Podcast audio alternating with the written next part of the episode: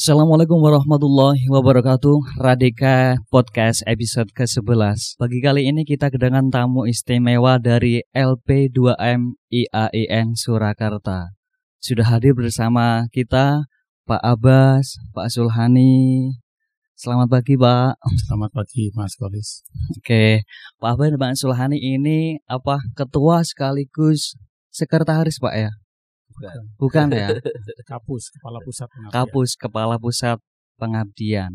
Oke, sebelum kita membahas KKN yang akan dilaksanakan daring dan ini adalah pertama kalinya Pak ya dan sejarah bagi IAIN Surakarta, saya mau mengajak flashback dulu Pak Abbas sama Pak Sulhani.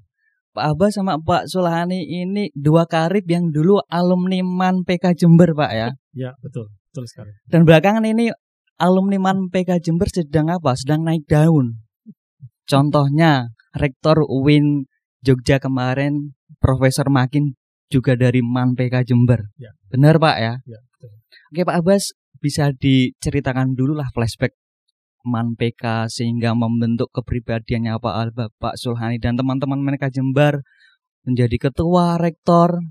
Nggak hanya ketua LP2M Pak Abbas ini ketua Pondok Pesantren Darussalam juga Pak ya. Ya, betul. FKUB masih Pak. Masih. Masih dan juga mantan ketua dari saya, ketua dari Takmir IAIN Al-Bukhari.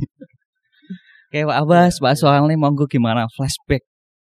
Ya, begini terima kasih Mas Kolis. Jadi eh, benar kita saya dan Pak Zulhani ini adalah alumni MAPK Jember ya. Mm-mm. Saya kebetulan adalah alumni yang kedua, jadi Hmm. angkatan yang kedua. Hmm, Bisa dikategorikan sebagai asabikunal awalun ya Wah. dari generasi MAPK. mm-mm.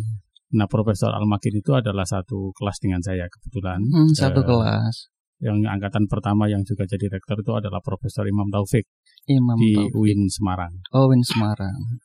Nah, eh, hal yang penting yang ingin saya sampaikan dengan eh, pengalaman di MAPK adalah eh, terciptanya yang disebut dengan spirit pencari ilmu. Spirit Itu kalau di dalam ilmu. buku yang kita tulis eh, kemarin, Mm-mm. eh, buku dari MAPK untuk Indonesia, Santri Kaliwates itu, eh, poin penting yang saya tulis di sana adalah bahwa MAPK itu memberikan spirit bagi saya untuk terus-menerus mencari ilmu. Hmm. Jadi di mana pun eh, tempatnya eh, dalam proses apa pun itu adalah ditujukan untuk eh, mencari ilmu. Karena itu maka ilmu. kemudian kita melanjutkan pendidikan eh, di S1 saya kebetulan ngambil di akidah dan filsafat di UIN YIN Jogja waktu itu. Jogja. Kemudian S2 juga ngambil di agama dan filsafat di YIN Jogja dan S3 di eh, studi Islam UIN Jogja juga. Nah, eh, kemudian kita terus eh, berusaha untuk senantiasa eh, mencari ilmu ya karena eh, dari eh, apa namanya ajaran agama kan mencari ilmu itu eh, mulai dari kita kecil sampai kita nanti meninggal dunia. Hmm. Nah, kira-kira hal penting yang saya dapat dari MAPK itu adalah spirit spirit mencari ilmu. mencari ilmu. Oke. Iya. Pak Sulhani sendiri, pripun Pak? Oke. Terima kasih Mas Holis ya. Nggih. Eh, saya alumni MAPK Jember angkatan keempat. Oh, Jadi, adik kelas dua tingkat. Kelas dua tingkat di Pak Zainul Abbas, Pak Almakin. Hmm. Eh, itu kakak kelas saya. Jadi saya baru masuk aliyah. Beliau itu sudah mau lulus gitu. Hmm, hmm. Dan ini beliau-beliau ini senior saya semenjak Yang mau sebagian mulai jenengan berarti Pak ya? Betul. jadi madrasah aliyah dan mengenalkan dunia pendidikan di Mm-mm. madrasah aliyah maka beliau ini mentor-mentor kita gitu. Hmm. Eh, yang seangkatan dengan saya ada alumni YIN Surakarta juga dan ada banyak YIN alumni YIN Surakarta Hmm. salah satunya kalau mengenal eh, nama Pak Arif Maftuhin Pak Arif yang Maftuhin. yang mengelola jurnal internasional jurnal Al Jamiah Hmm. di UIN Jogja itu seangkatan dengan saya kebetulan dan ada beberapa yang lain ya misalnya eh, Pak Deputi Kemenpora yang namanya Pak Asroruni Am Soleh Oh, yang pernah ke sini dulu itu Pak ya? Betul. Oh iya. ya dan kami diajarkan tentu tidak hanya eh, mencari ilmu tapi bahwa ada hal penting lain juga dalam hidup ini dalam hidup ini yaitu persaudaraan dan sekaligus juga kemanfaatan Hmm. maka sejak di madrasah aliyah memang kita diajarkan untuk suka dan duka bersama. Kebetulan kita hidup 24 jam bersama-sama. Makan seadanya gitu. Lauk pramuka bahasa mereka menyebutnya karena kan coklat-coklat tempe dan tahu itu kan coklat jadi lauk pramuka kita menyebutnya. Yang kadang-kadang seminggu sekali ada tambahan anu apa namanya ikan laut gitu hmm. meskipun agak jarang gitu. Dan itu kita diajarkan untuk hidup bersama yang meskipun kita bersaing tapi kita bersaudara hmm. diajarkan untuk uh, apa yang dirasakan oleh saat seorang di antara kita maka semua juga ikut merasakannya. Gitu. Mm-hmm. Jadi kalau satu sakit maka semuanya juga terasa sakit. itu. Satu senang semuanya ikut senang. Mm-hmm. Dan itu saya kira modal besar kita hidup di masyarakat ke depannya. Kita juga sudah mulai diajari waktu itu untuk bahwa kita berasal dari masyarakat maka kita harus masuk dan melebur juga di masyarakat. Saya kira itu juga yang diajarkan semenjak madrasah aliyah ya. Hmm. Maka semenjak madrasah aliyah itu kita punya program untuk masuk ke masyarakat kalau nggak salah itu. Hmm. Ada yang ada yang bu, apa mingguan, ada yang bulanan, ada yang setiap tahun. Jadi Ramadan itu kita tidak di sekolah, tidak di asrama, tapi dimasukkan masyarakat. ke masyarakat. Ya dan udah dilepas itu hmm. berbaur sana kira-kira gitu. Intinya mengabdi kepada masyarakat yes, Pak ya. Dan itu saya kira menjadi modal penting di berikutnya.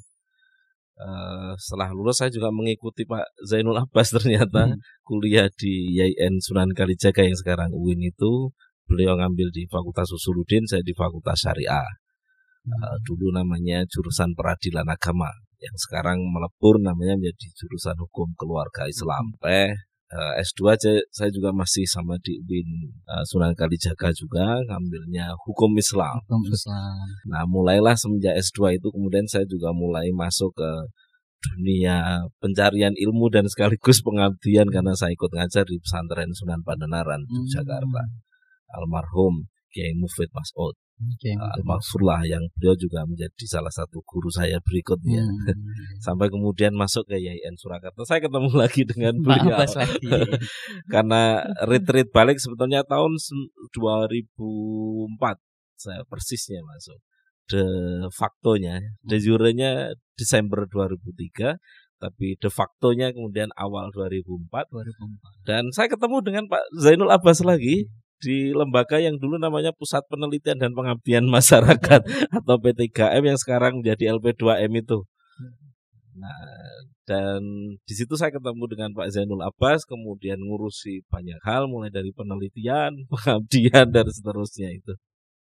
Dan ternyata uh, kemudian saya setelah itu kemudian aktif di Fakultas Syariah dan sekarang ketemu lagi dengan beliau di beliau adalah ketua lembaga penelitian dan pengabdian masyarakat dan saya adalah salah satu kepala pusat di situ kepala pusat pengabdian masyarakat gitu hmm, ya. Intinya mulai dari Man PK mengabdi masyarakat sampai saat ini Pak ya masuk di lembaga yang mengabdi masyarakat. Nah. Ya. Oke, uh, Pak Zainul Abbas, Pak Sulani ini teman-teman dari angkatan 17 menunggu-menunggu dari LP2M. Ini teknis KKN nanti seperti apa sih? Teknis darinya seperti apa? Mereka masih bingung, Pak. Jujur saja. Nah, ini bagaimana, Pak, persiapan mengenai KKN untuk ke depannya? Pripun? Nanti bisa diutarakan biar teman-teman ada gambaran tidak bingung terus gitu. Ya, ya. Okay. Baik Mas Kolis, jadi sebelum Pak Sulhani nanti menjelaskan tentang persiapan-persiapan apa yang sudah kita uh, siapkan dan kita ya. sampaikan ke mahasiswa. Uh, terlebih dahulu saya akan menyampaikan uh, terkait dengan uh, KKN itu dalam konteks Tridharma perguruan tinggi. Hmm. Jadi sebagaimana kita tahu bahwa uh, ada tridharma perguruan tinggi ya hmm. yang uh, itu menjadi uh, tugas atau kewajiban sivitas akademika. Yang pertama adalah pendidikan dan pengajaran, kemudian yang kedua adalah penelitian, dan yang ketiga adalah pengabdian kepada masyarakat. Hmm, pengabdian. Nah, pendidikan dan pengajaran itu sudah disiapkan, sudah dilaksanakan selama perkuliahan yang ada di fakultas. Jadi mulai hmm. dari semester 1 sampai sampai uh, akhir sampai ya. akhir akhir hmm. itu itu yang semua adalah uh, apa namanya pelaksanaan dari Tridharma Pendidikan dan Pengajaran. Mm-mm. Di sana core keilmuan eh, diberikan semua di dalam perkuliahan itu. Nah, kemudian penelitian itu adalah eh, tugas yang menjadi tugas akhir mahasiswa yaitu Mm-mm. dalam bentuk adalah skripsi. Skripsi ya. Skripsi. Nah, ini juga sudah disiapkan oleh mahasiswa. Nah, ada satu lagi eh, tugas Tridharma yang harus dilakukan oleh eh, mahasiswa adalah pengabdian kepada masyarakat. Mm. Nah, bentuk pengabdian kepada masyarakat yang dibebankan kepada mahasiswa itu adalah dalam bentuk kuliah kerja nyata atau Mm-mm. KKN. KKN. Karena itu maka pelaksanaan KKN harus eh, kembali atau dipahami dalam kerangka melakukan pengabdian kepada Pada masyarakat. Nah, karena itulah maka LP2M menyiapkan satu konsep eh, bahwa KKN itu eh, menjadi sebuah eh, ilmu yang di dalamnya ada pendekatan, ada metodologi, itu ada tahapan-tahapan yang Mm-mm. eh, memang itu sebenarnya eh, sangat kaya eh, metodologi dalam pengabdian masyarakat itu.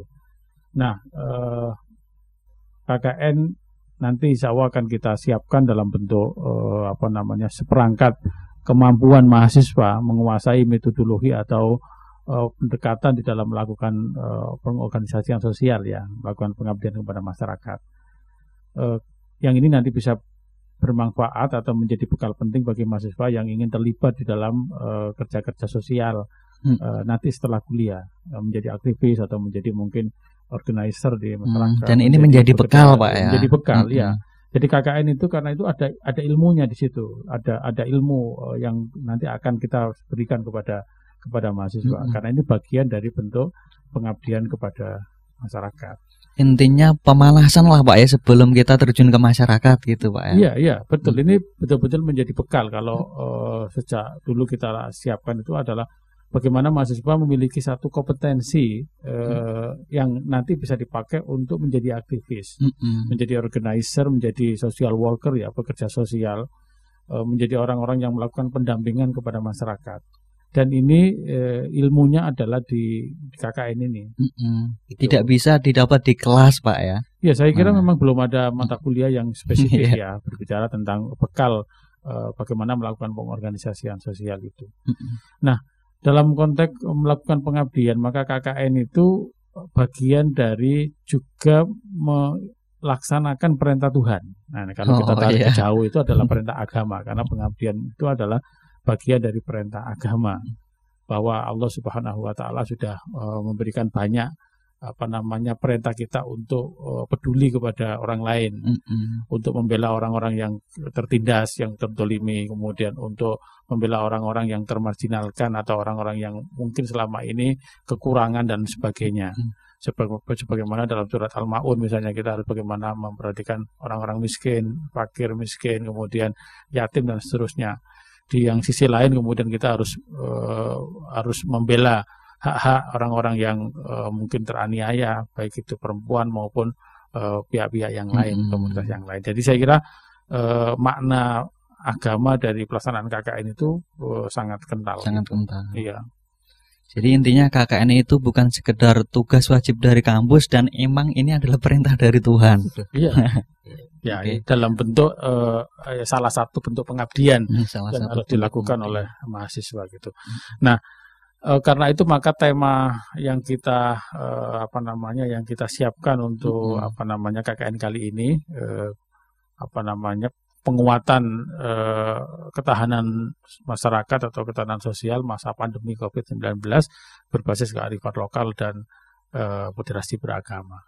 berbasis kearifan lokal dan moderasi beragama. Jadi kita mengambil eh, segmen penguatan sosial ya. Jadi eh, penguatan sosial karena di masa pandemi itu COVID-19 ini eh, saya kira mengakibatkan banyak eh, hal-hal yang eh, menyebabkan kondisi masyarakat agak terganggu gitu. Mm-mm. Yang kita sebut sebagai sebuah kerentanan. kerentanan. Kerentanan dan kerentanan itu bisa masuk ke semua aspek kehidupan. Dimulai dari aspek kesehatan, kemudian masuk ke aspek pendidikan, aspek agama, kemudian aspek sosial budaya, aspek macam-macam eh, yang ada di masyarakat.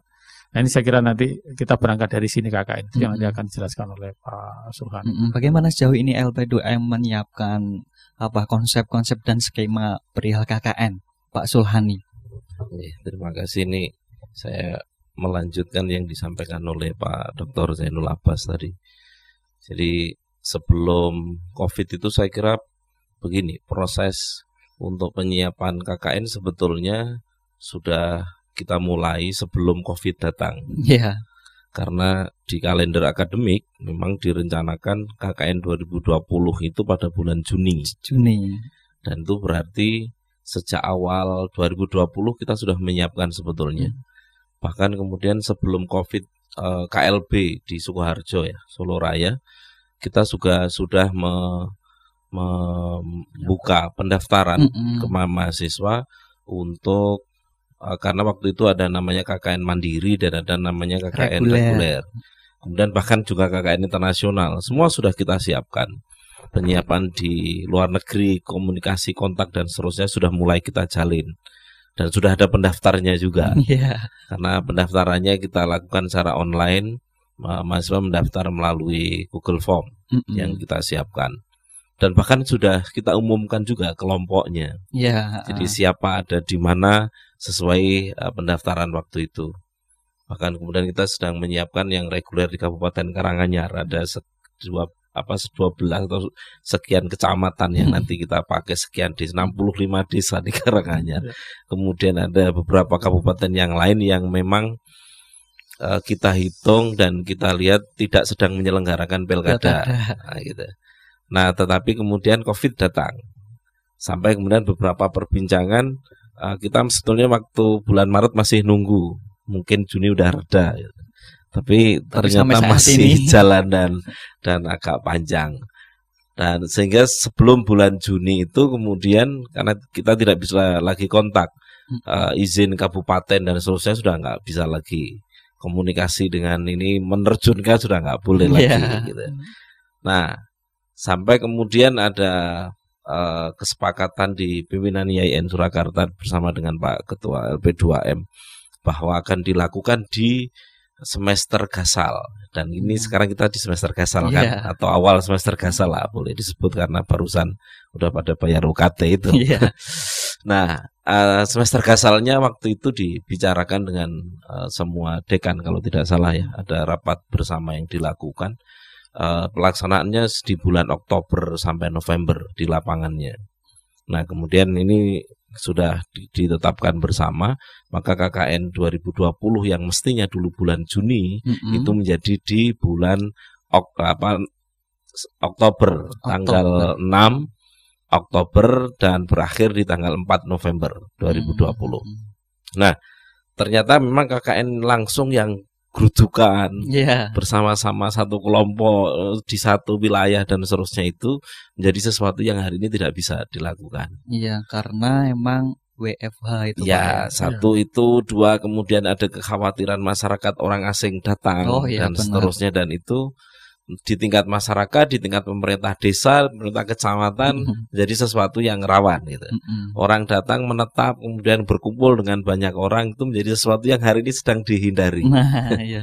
nah oleh karena itu maka kemudian uh, kita jadi berpikir uh, dan juga melihat ada beberapa edaran sebetulnya dari Kementerian Agama, dari Direktorat Pendidikan Tinggi Agama Islam, kemudian yang dari Dikti juga muncul beberapa edaran dan juga dari uh, lembaga yang yang di Indonesia menangani bencana yang hari hmm. ini juga menangani COVID BNPB iya. ada edaran juga untuk melaksanakan dengan situasi yang berbeda seperti KKN sebelumnya. Mm -hmm. Maka saya sedang mengajak uh, para mahasiswa yang akan KKN ini, ini berpikirnya KKN-nya tidak seperti biasa. Gitu. Mm, ya KKN ya. luar biasa. Luar biasa. Extraordinary. Di kondisi yang memang sedang tidak normal. Atau kalau ini boleh disebut agak normal atau new normal, yang jelas bukan suasana normal. Sehingga KKN-nya tidak seperti tahun lalu pasti mm -hmm. atau tahun sebelumnya yang kakeknya bisa kerudukan banyak orang, ketemu banyak orang, kumpul-kumpul enggak enggak lagi bisa. Bahkan kalau tidak salah bulan Agustus ini juga ada edaran di beberapa kabupaten, kecamatan, desa tidak boleh menyelenggarakan kumpul-kumpul, iya. tirakatan dan tirakatan seterusnya itu. Boleh, ya. Itu situasinya. Nah, atas dasar itu maka pilihan kita adalah KKN ini dilakukan uh, di wilayah RT tempat mahasiswa masing-masing tinggal. Gitu. Nah, koordinasi memang kemudian nanti dilakukan masih ada kelompok-kelompok. Mengingat sebelumnya sudah ada terbentuk kelompok kan? Ya. Oke, kelompoknya tidak kita bubarin karena kelompok ini menjadi penting untuk nanti ada DPL yang akan mengampu dua kelompok masing-masing DPL. Nah, kalau yang di normal itu kan datang ke lokasi dan seterusnya. Sekarang DPL ini tidak datang ke lokasi, tapi masuk ke medsos mahasiswa. Oh, iya. Maka kita syaratkan untuk pendaftaran KKN kali ini semua mahasiswa harus mempunyai medsos semua itu dan harus connect ya dengan medsos yang ada di LP2M karena semua pengumuman akan kita lewatkan itu dan itu kalau situasi situasinya sekarang serba cepat dan kemudian tidak perlu ketemu maka jalur medsos ini yang sekarang menjadi alternatifnya. Mau tidak mau gitu. Kalau lihat kalau mengandalkan satu media misalnya pakai web tidak semua orang kadang baca, tapi medsos itu menjadi denyut nadi kehidupan anak-anak sekarang. Jadi generasi apa sekarang mau disebut generasi Z atau generasi Y atau apalah gitu namanya, yang jelas semua punya medsos. Nah, ya. oleh karena itu maka kita gunakan medsos ini sebaik-baiknya. Komunikasi LP2M, komunikasi DPL nantinya tidak ketemu langsung tapi melalui medsos. Nah, di, bagaimana di lapangannya? Nah, di lapangannya mahasiswa itu bergerak sendiri. Karena ini yang saya bilang tadi ada ada latar belakang itu, maka pilihan paling aman itu dia tinggal di RT tempat dia berada. Jadi penjelasannya sebetulnya yang paling afdol ya lokasi rumah tinggal dia. Itu yang paling afdol. Kenapa begitu? Karena pilihannya kalau dia tinggal di rumahnya sendiri tidak akan ada yang curiga dia mau ngapa ngapa dia memang tinggal di situ. Dia komunikasi dengan tetangganya dengan uh, orang tuanya dengan saudaranya semua pasti akan diterima dan hampir tidak ada masalah. Kecuali sesuatu yang tidak normal lagi gitu kalau ada yang lain. Nah tapi asumsinya secara umum begitu Nah, bagaimana yang kemudian sudah kadung punya sesuatu yang penting? Gitu. Misalnya dia ada di pesantren dan pesantrennya sudah mewajibkan untuk datang ke ke sini, pesantrennya di sini. Apakah kemudian dia harus pulang? Maka bisa jadi ini alternatif yang berikutnya tadi, RT tempat dia berada. Jadi RT tempat pesantren itu sekali lagi catatannya kalau itu sudah diwajibkan untuk masuk. Tapi kalau enggak maka sangat saya sarankan untuk tetap di rumahnya masing-masing. Karena hari ini Anda berada di wilayah Sukoharjo ini karena Kartosuro ini tempatnya IN berada ini lokasinya zona merah. saya harus sampaikan dan uh, di beberapa R apalagi memang ada edaran-edaran yang muncul dari desa. Di desa ini namanya Desa Pucangan, Kecamatan Kartosuro, ada edaran kecamatan termasuk kumpul-kumpul yang seterusnya itu memang kemudian menjadi sesuatu yang hari ini sedang dijauhi. Belum lagi ada situasi saya tidak tahu beberapa anak kos itu tidak terlalu akrab dengan lingkungan RT tempat dia berada dan itu menimbulkan sebetulnya beberapa kemungkinan-kemungkinan yang tidak kita harapkan. Misalnya karena dia baru baru kali ini eh, ternyata RT itu tahu oh ternyata kamu kosnya di situ ya atau kosnya sejak kapan ya dan seterusnya tiba-tiba sekarang ada di sini dan seterusnya. Ada beberapa lingkungan masyarakat yang bukan lingkungan dia itu hari ini dalam tanda kutip punya kecurigaan, kekhawatiran, jangan-jangan dia bawa COVID nih. nah itu sebetulnya maka pilihannya kalau pilihannya kos saya sangat saya sarankan di rumah aja. Nah kalau di rumah kemarin karena situasinya sudah suntuk segala macam, ya, nah maka suntuknya kemarin itu karena nggak ngapa-ngapain gitu. Oh. nah sekarang pilihannya suntuknya dirubah gitu, suntuknya dirubah jadi asik gitu. Gimana cara asiknya? Kalau kemarin suntuknya di rumah itu ngegame, suntuknya di rumah itu nggak jelas gitu ya. Sekarang jelas, masuk aja dong ke masyarakat tempat dia tinggal itu. Yang selama ini mungkin kiprahnya belum terlalu banyak. Atau kalau bagi yang sudah kiprah jelas ditinggal nerusin gitu. Tapi bagi yang belum, kenapa kita tidak pernah memperhatikan lingkungan tempat kita tinggal? Toh hari ini memang situasi mengendaki begitu gitu. Jadi ini anfa'uhum linasnya dimulai dari lingkungan sekitar dia berada. Dan suatu saat entah setelah lulus atau apa dia pasti akan pulang ke rumah kan dan akan melakukan sesuatu dan itu kita mulai aja sekarang gitu. Nggak usah nunggu besok setelah setelah sarjana kan. Iya. Nah, jadi kira-kira itu gambarannya. Memang ada beberapa pertanyaan. Memang uh, secara normatif itu RT tempat dia tinggal atau RT tempat dia berada. Itu tadi memberikan beberapa kesempatan. Dan ini sifatnya sebetulnya individu. Kenapa kok individu? Karena kecenderungannya kalau dia bekerja sendiri, dia akan bekerja dengan ya orang terbatas juga di RT-nya. Dan memang itu yang sekarang diminta oleh pemerintah dan beberapa anjuran uh, terkait sos apa social distancing itu. Nah, sehingga ya karena sendiri kelompok itu ya hari ini ya sekedar untuk tempat bersemayam yang kemarin ada saja, tidak lagi memang ada komunikasi bahkan nanti sampai laporan dan seterusnya juga mandiri gitu. Individu hanya dalam pengawasan DPL ya, maka tetap masuk di kelompok. Tetapi masing-masing orang di dalam kelompok tidak bisa mempengaruhi kamu melakukan apa dan seterusnya itu. Mungkin untuk sharing metodologi gitu. Iya, sharing, sharing komunikasi saya kira itu. Kira-kira ya, begitulah. Ya. Dan dengan ini maka setiap orang menghadapi masyarakat yang tentu akan berbeda situasinya. Ada yang memang di daerahnya ada COVID yang ada orang yang sudah pernah kena positif, ada yang PDP, ada yang ODP, ada yang OTG dan seterusnya. Ya. Yang situasinya beda-beda. Ada situasi yang di situ beberapa penghidupan masyarakatnya berhenti karena kerja harian. Ada juga yang tidak terpengaruh.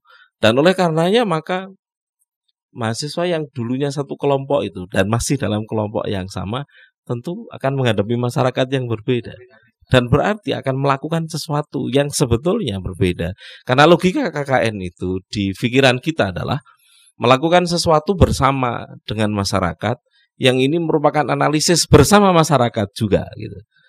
Melakukannya jadi ya belajar dan bekerja bersama masyarakat. Kira-kira itu situasinya. Melebur bersama masyarakat. Masyarakat yang mana? RT tempat dia tinggal.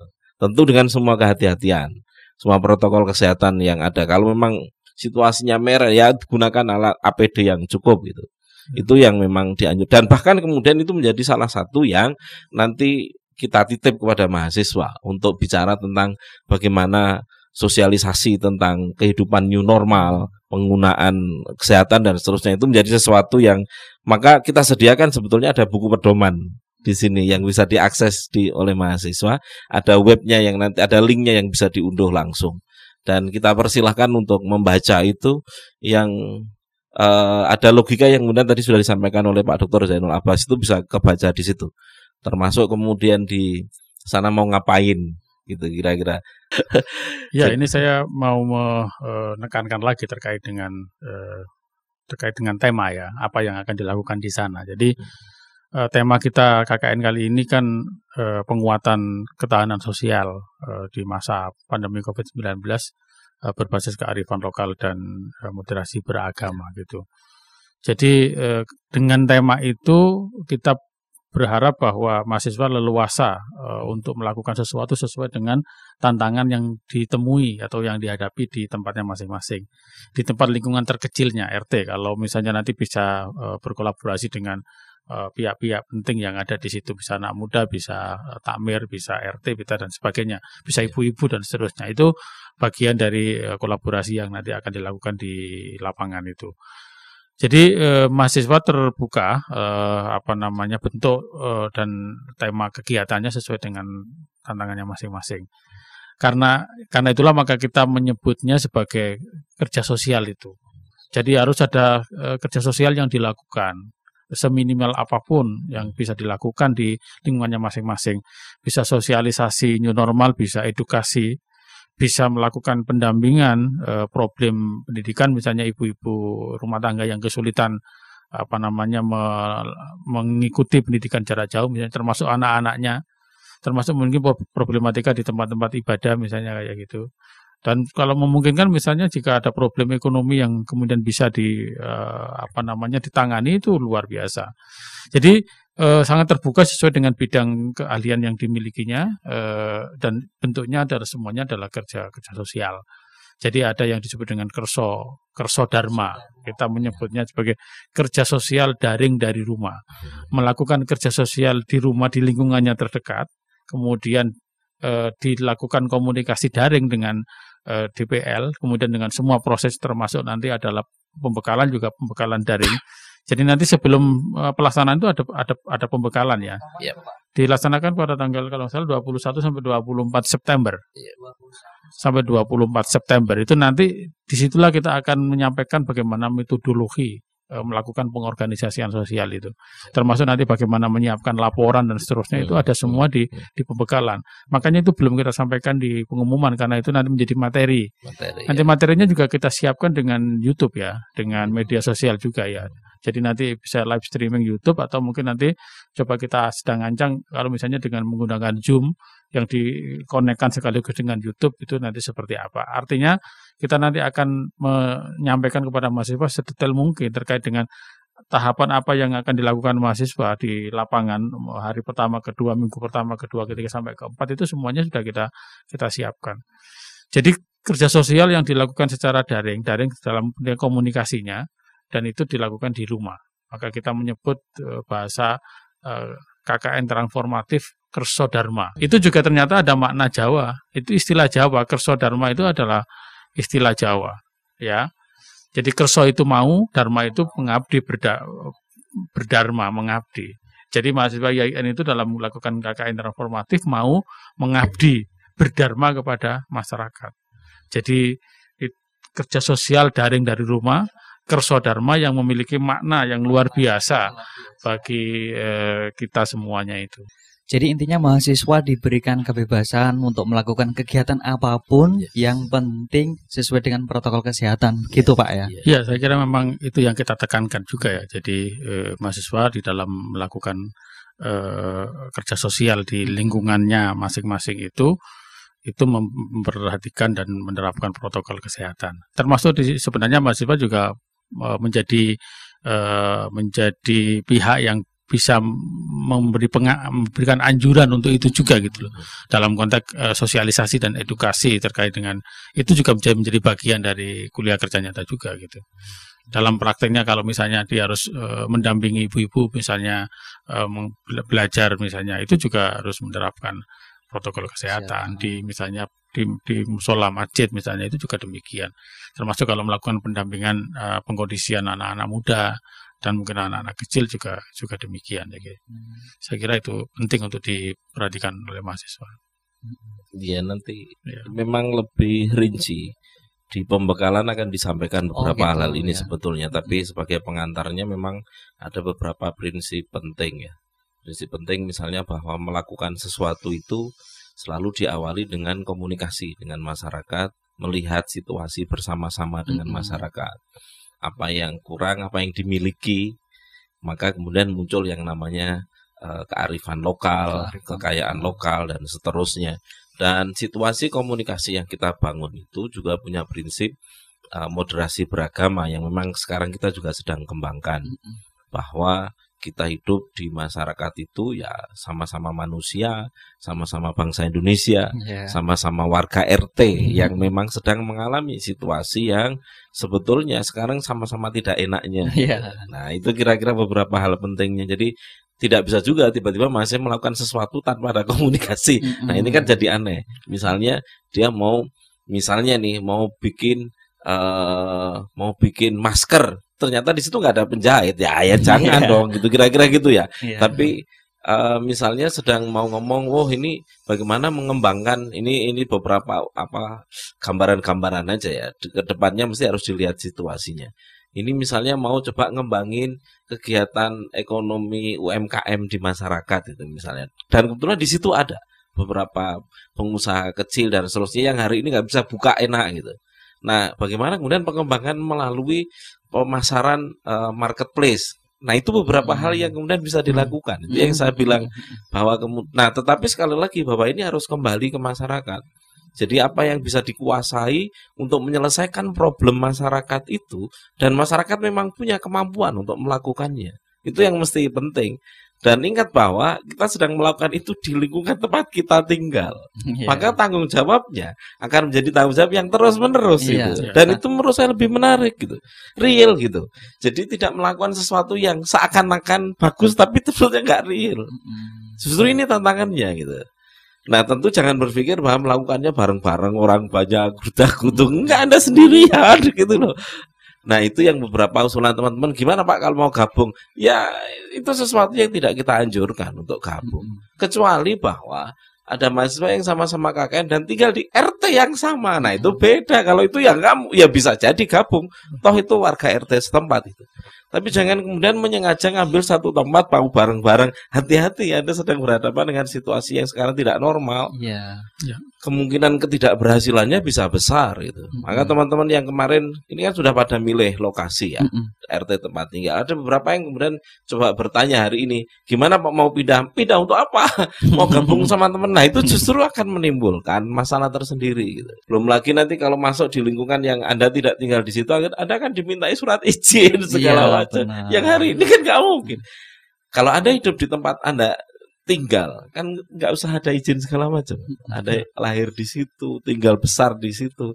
Semua orang tahu bahwa Anda warga setempat. Maka melakukan sesuatu bersama dengan tetangga, bersama dengan Pak RT, itu menjadi sesuatu yang natural sifatnya di masa dan itu sebetulnya satu hal penting yang sekarang kita coba mau ambil itu dan itu menjadi kegiatan KKN kira-kira gitu. Situasi kehidupan bersama ini kemudian dimaknai mulai di apa namanya organisir dengan bagus gitu mulai dicek ini ada situasi yang terjadi sebelumnya apa di masyarakat situasi kesejarahannya seperti apa pengembangannya ke depan kayak apa dan menjadi sesuatu yang memang real dan itu menjadi program masyarakat KKN gitu Ya. dan itu kan sebetulnya satu hal yang mengurangi beberapa ongkos-ongkos besar kalau KKN bareng-bareng Oh, iya. Nggak lagi ada yang harus ngotong-ngotong botol aqua gitu kan. Karena ada di rumah. Sudahlah semuanya kan makannya juga di rumah dan seterusnya. Jadi kebosanannya itu ubah menjadi sesuatu yang asik sekarang. Asiknya ada di mana? Asiknya ada mulai masuk bergaul dengan masyarakat secara lebih bermakna gitu. Dan kemudian semua proses ini ini yang kemudian yang disampaikan oleh Pak Dr. Zainal Abbas tadi dengan daring ini kemudian direkam direkam di mana? Di medsos Anda. Dan medsos Anda akan dikonekkan. Di LP2M kita akan lihat oh ini catatan hariannya itu di medsos gitu. Mm-mm. nggak lagi kemudian nulisnya di kertas Iya. apa itu saya sedang kemudian sekarang agak bosan aja begitu. Tapi nulisnya di medsos. Update status lah kira-kira gitu. Tapi update statusnya sekarang punya makna gitu. Atau kalau mau misalnya bikin video tidak hanya tiktokan lah ya tiktokan Iya. ubah lah ya tapi cobalah misalnya bikin Buat video, video pendek. edukasi Iya. betul film Prof- pendek profil RT bukan Nah, Yes, itu saya kira itu. sesuatu yang sangat menarik dan punya nilai lebih di RT tempat dia tinggal. Iya. Kalau RT yang tempat dia tinggal kemudian jadi sesuatu yang menarik keluar, dia juga akan dapat manfaatnya kan. Dia dan Iya. keluarganya. Iya benar. Itu yang kemudian maka nanti sambungan berikutnya itu laporan tidak lagi bikin berjilid-jilid nggak usah lah. Jadi melaporannya bahkan nanti ada alternatif-alternatif. Ya, Hmm, nanti Dan ini akan disampaikan nanti real di waktu waktu pembekalan pembekalan. ada. Tapi gambaran umumnya Mbak, jadi uh, di buku pedoman juga sudah kita sebut gitu. Ada pilihan bikin laporan yang yang berseri gitu, yang kemudian bisa jelasin tahapan-tahapan mulai namanya ya tentu dalam ini kita bahasakan menjadi bahasa akademis kan di Iya. laporan itu perencanaan. tahap apa identifikasi persoalan identifikasi kekuatan kemudian perencanaan gitu analisis dan Mm-mm. seterusnya perencanaan kemudian kegiatannya apa evaluasinya apa kira-kira gitu atau kemudian pilihannya tidak buat itu tapi langsung buat misalnya IC Oh jadi nanti pelaporan sistemnya ada beberapa opsi pak ya? yes Oke. itu yang akan kita tawarkan dan semuanya bentuknya file semuanya dikirimnya lewat online Hmm, gitu ya. dan Jadi, itu lebih sederhana kan Lebih murah, lebih sederhana Yes. dan paperless. Iya. dan harusnya nanti lebih cepat berarti Iya. Artinya KKN selesai, kita tidak akan memberi waktu panjang. Hmm. Nggak ada lagi kan antrian di mesin ketik, anu nggak ada lagi Iya. gitu. loh. Antrian oh, online semua gitu. Terpaksanya misalnya ngetik butnya pakai HP pun sekarang sudah banyak HP yang bisa digunakan kira-kira gitu. Iya. Bahkan bisa IC. Dan saya berharap kalau yang IC nanti ada pembelajarannya sendiri khusus untuk itu. Ke depan kalau memang kemudian oke bagus mungkin 2021 kita punya terbitan. Terbitannya Oh, iya. karya mahasiswa KKN gitu. Hmm, jadi nanti yang apa berupa IC bisa dibukukan oleh LP2M. Bahkan- 2021 ya. Bahkan mungkin tidak hanya isi kalau yang punya minat untuk menulis dalam bentuk artikel yang Yes. serius dalam Jurnal misalnya ya. ke jurnal juga kita beri alternatif. Jadi Yes. pokoknya alternatifnya kita berikan semuanya. Hmm, Gitu. Jadi nanti kembali lagi ke teman-teman mahasiswa. Ya. Silakan Ya. mau pilih yang mana gitu. Ya. Plus produk medsos jangan lupa. Nah, Nah, ini saya medsos. sekarang masuk ke dunia anak apa remaja di sini dunia mahasiswa karena mahasiswa juga sering apa di keseharian bikin video Mm-mm. yang paling sering walaupun TikTok itu kan Iya. sekarang dirubah lah ya mau dengan bahasa anda kayak apa nggak ada masalah tapi bikin produk medsos yang kemudian punya manfaat ke masyarakat walaupun yang itu nanti kita syarati misalnya bikin produk YouTube karena YouTube. medsos juga kita minta untuk bikin YouTube kan Iya. nah nanti YouTube-nya viewernya minimal sekian Oh, tentang iya. apa gitu jelas gitu ya sehingga ya termasuk profil termasuk misalnya misalnya mau cerita tentang masyarakat RT sekian RW sekian desa ini mengatasi eh, kekurangan pangan di waktu pandemi misalnya Mm. Wah itu menjadi sesuatu yang menarik dan dimunculkan dalam sebuah apa produk medsos gitu Ya. dan itu kita dan itu sudah boleh dianggap jadi laporan Hmm, gitu itu Pak, yang ya. kita bilang bahwa alternatifnya banyak Hmm, ya. gitu kira dan itu jadi produk individu gitu. Ah. saya ulangi lagi bahwasanya KKN ini bersifat individu bukan Yes. kelompok ya. Ya. Jadi mau nggak mau kita tetap harus bekerja sendiri mau Ya. nggak mau. Ya. Hmm. Ya. Terus untuk harapannya dari LP2M kira-kira bagaimana Pak? Ya sebenarnya sudah diutarakan tadi ya. Hmm. Ya sebagai Hmm. penekanan dari jenengan. begini saya kira eh, KKN ini harus dimanfaatkan betul ya oleh mahasiswa sebagai eh, apa kesempatan untuk belajar untuk memperkuat eh, ilmu terkait dengan pengorganisasian sosial itu harus betul-betul di, eh, dimanfaatkan karena mungkin bisa jadi tidak mendapatkan kesempatan lain eh, di kampus selain eh, KKN itu. Karena itu eh, kontak melakukan KKN dengan individu itu kemudian eh, harus disiapkan ya jauh dari bukan sesuatu yang menakutkan tidak ada yang eh, mengkhawatirkan tidak ada yang berat karena saya kira nanti kita ada metodologi yang kita sampaikan bagaimana kita melakukan identifikasi permasalahan yang ada di eh, tempat masing-masing Nah, itu ada beberapa teknik yang akan kita sampaikan mahasiswa akan mengetahui apakah problem yang muncul di situ. Kemudian bagaimana merancang kegiatan dengan perencanaan itu. Kira-kira apa kalau dengan problem seperti ini eh, rencananya apa sih yang bisa kita lakukan dilakukan oleh masyarakat bersama-sama dengan Mm-mm. mahasiswa KKN kemudian bagaimana melaksanakannya? Itu nanti ada tahapannya semua. Dan bagaimana nanti melaku- men- menulis semua proses itu membuat dalam bentuk video atau mungkin menulis dalam bentuk essay atau menulis dalam bentuk artikel jurnal itu nanti eh, ada semua di sana itu. Jadi eh, saya kira bukan sesuatu yang eh, sulit. Kita ini berorientasi eh, apa namanya mem, mem- memudahkan mahasiswa ya memudahkan tetapi bisa menghasilkan hasil yang sesuai dengan tujuan dari KKN sebagai pengabdian masyarakat itu. Hmm. jadi eh, apa namanya tidak usah khawatir tidak usah eh, apa merasa berat meskipun sendirian karena eh, saya kira nanti akan bisa dilakukan lah akan bisa dilakukan Iya. gitu. Intinya enjoy saja Pak. ya. enjoy Oh, saja Eh, Nikmati dibikin enjoy Nikmati. proses dinikmati ini. proses ini ya Dan yang berbeda menurutku kalau yang dulu-dulu kita KKN di tempatnya orang, Ya. Sekarang di tempatnya sendiri, ini rasa tanggung jawab moralnya lebih besar gitu Pak. harusnya harusnya karena itu bagian dari kita Nah, masuk di iya. lingkungan Mm-mm. tempat kita hidup sebetulnya dan siapa pun kita sebetulnya semua sedang berharap bahwa kita punya peran Mm-mm. punya manfaat, punya Hmm. fungsi di lingkungan tempat kita tinggal sebetulnya.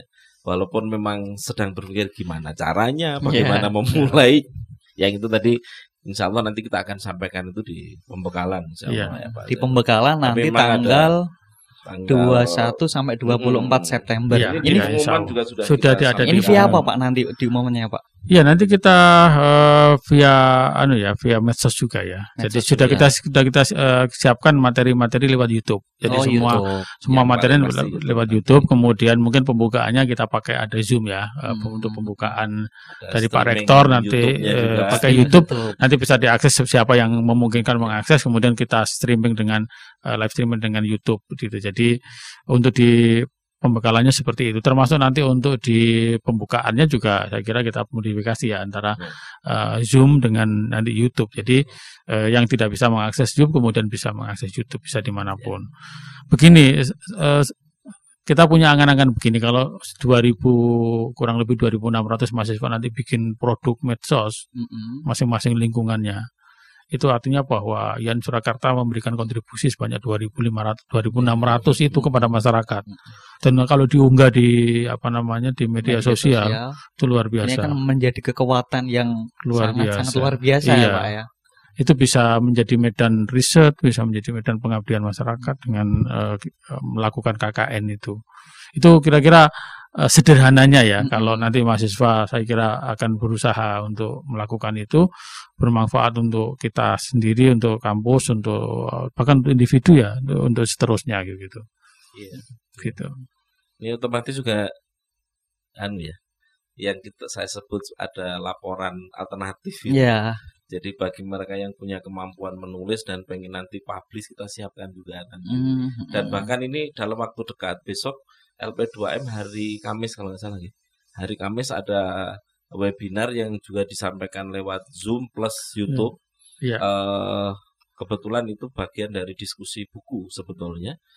Karena beberapa dosen-dosen di IAIN Surakarta Mm-mm. ini ternyata sudah menulis Oh, sesuatu iya. yang ada di masyarakat yang saat tadi saya bilang itu Mm. yang terkait dengan pandemi ini. Oh, yang kemarin itu Yang kemarin di yang launching kemarin itu. di launching ya, Ya, di pertama. launching itu. Dan besok hari Kamis, Kamis. itu dilanjutkan yang kedua, Diskusi. diskusi Oh, buku gitu. kedua. Dan diharapkan mahasiswa KKN bisa Bisa mengakses coba ini. lihat bagaimana sih bisa- kira-kira orang nulis, melihat keadaan dan menulis itu kira-kira kayak gitu. Ya. Hmm, ya, Nanti jadi kita anjurkan ini pra pembekalan lah. kita ya sebutnya. pembekalan. ya. Jadi gitu. Tapi nanti sampai spesifik Insya Allah di pembekalan ada yang akan menyampaikan untuk bagaimana menulis itu. Gitu.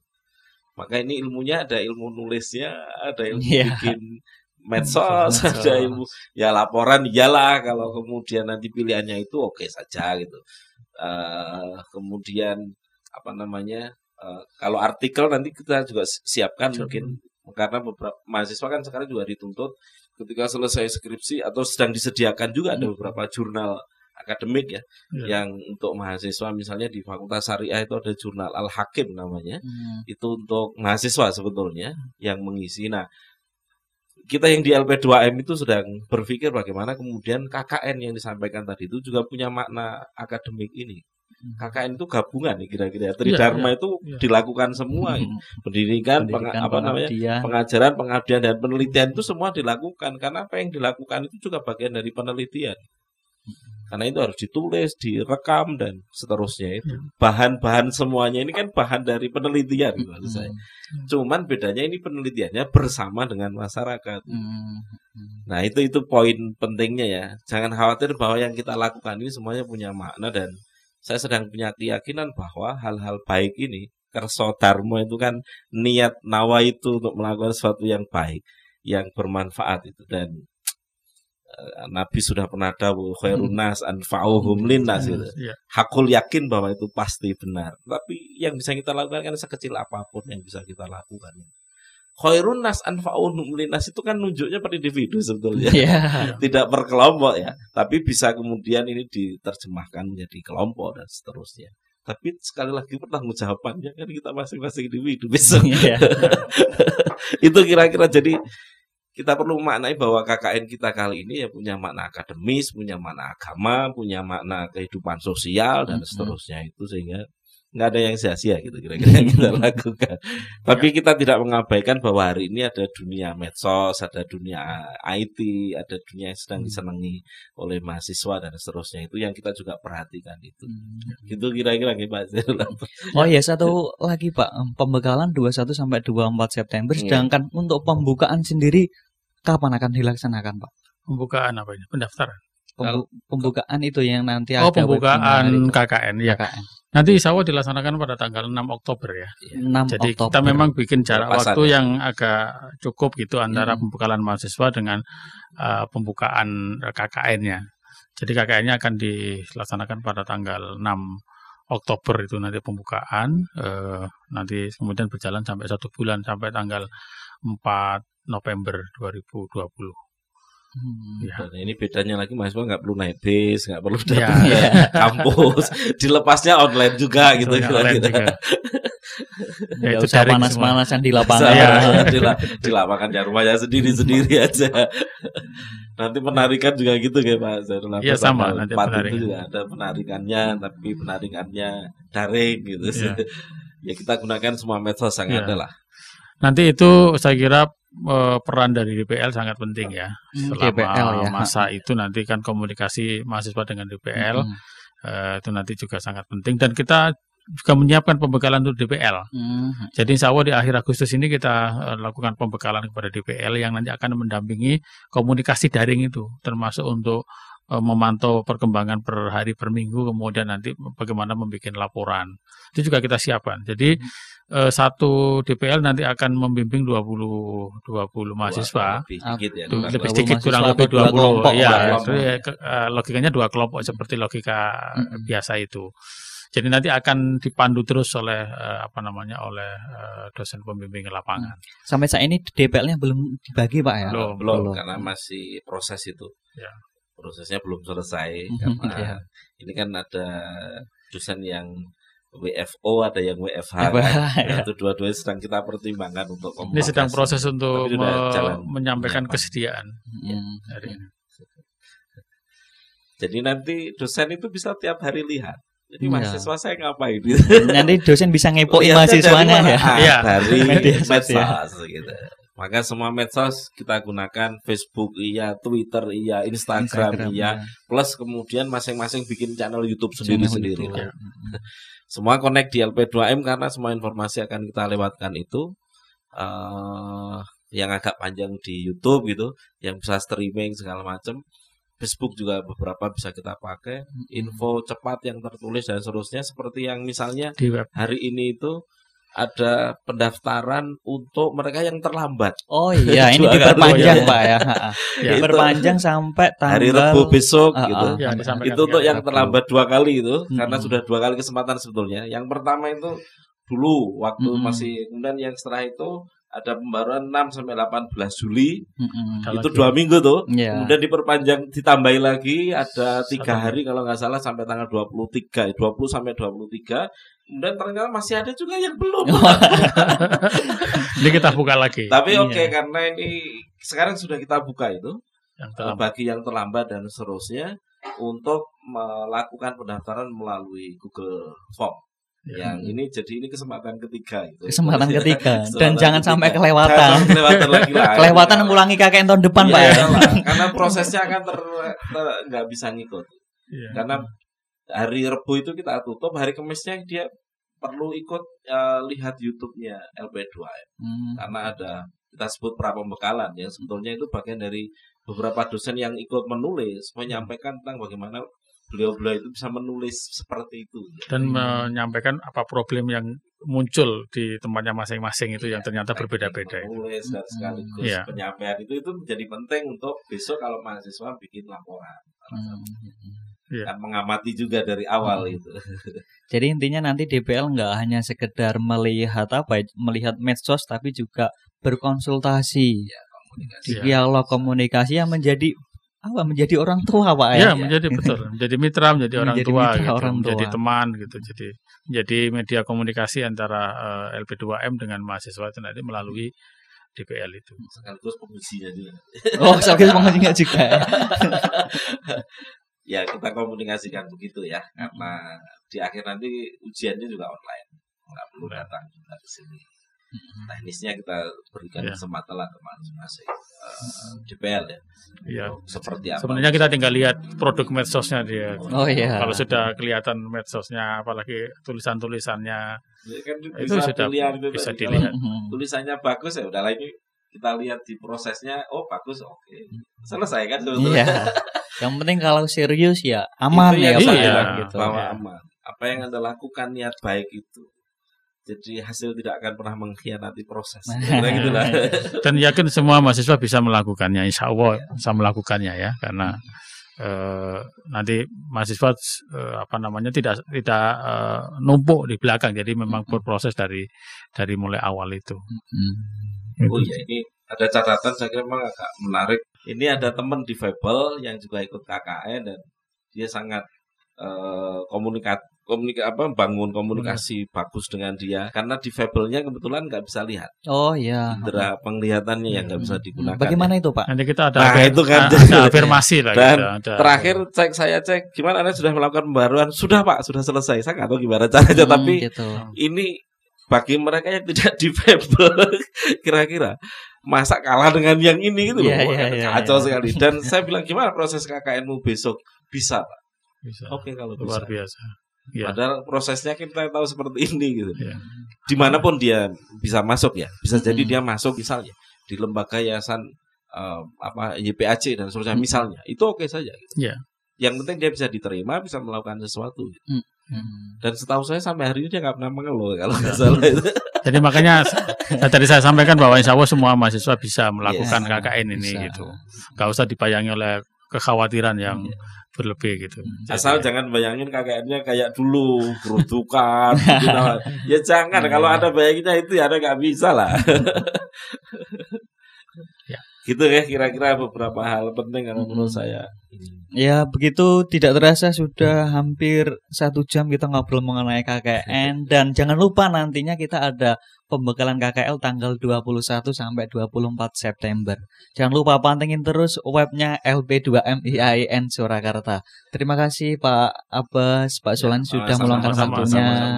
Oke, Assalamualaikum warahmatullahi wabarakatuh. Waalaikumsalam warahmatullahi wabarakatuh.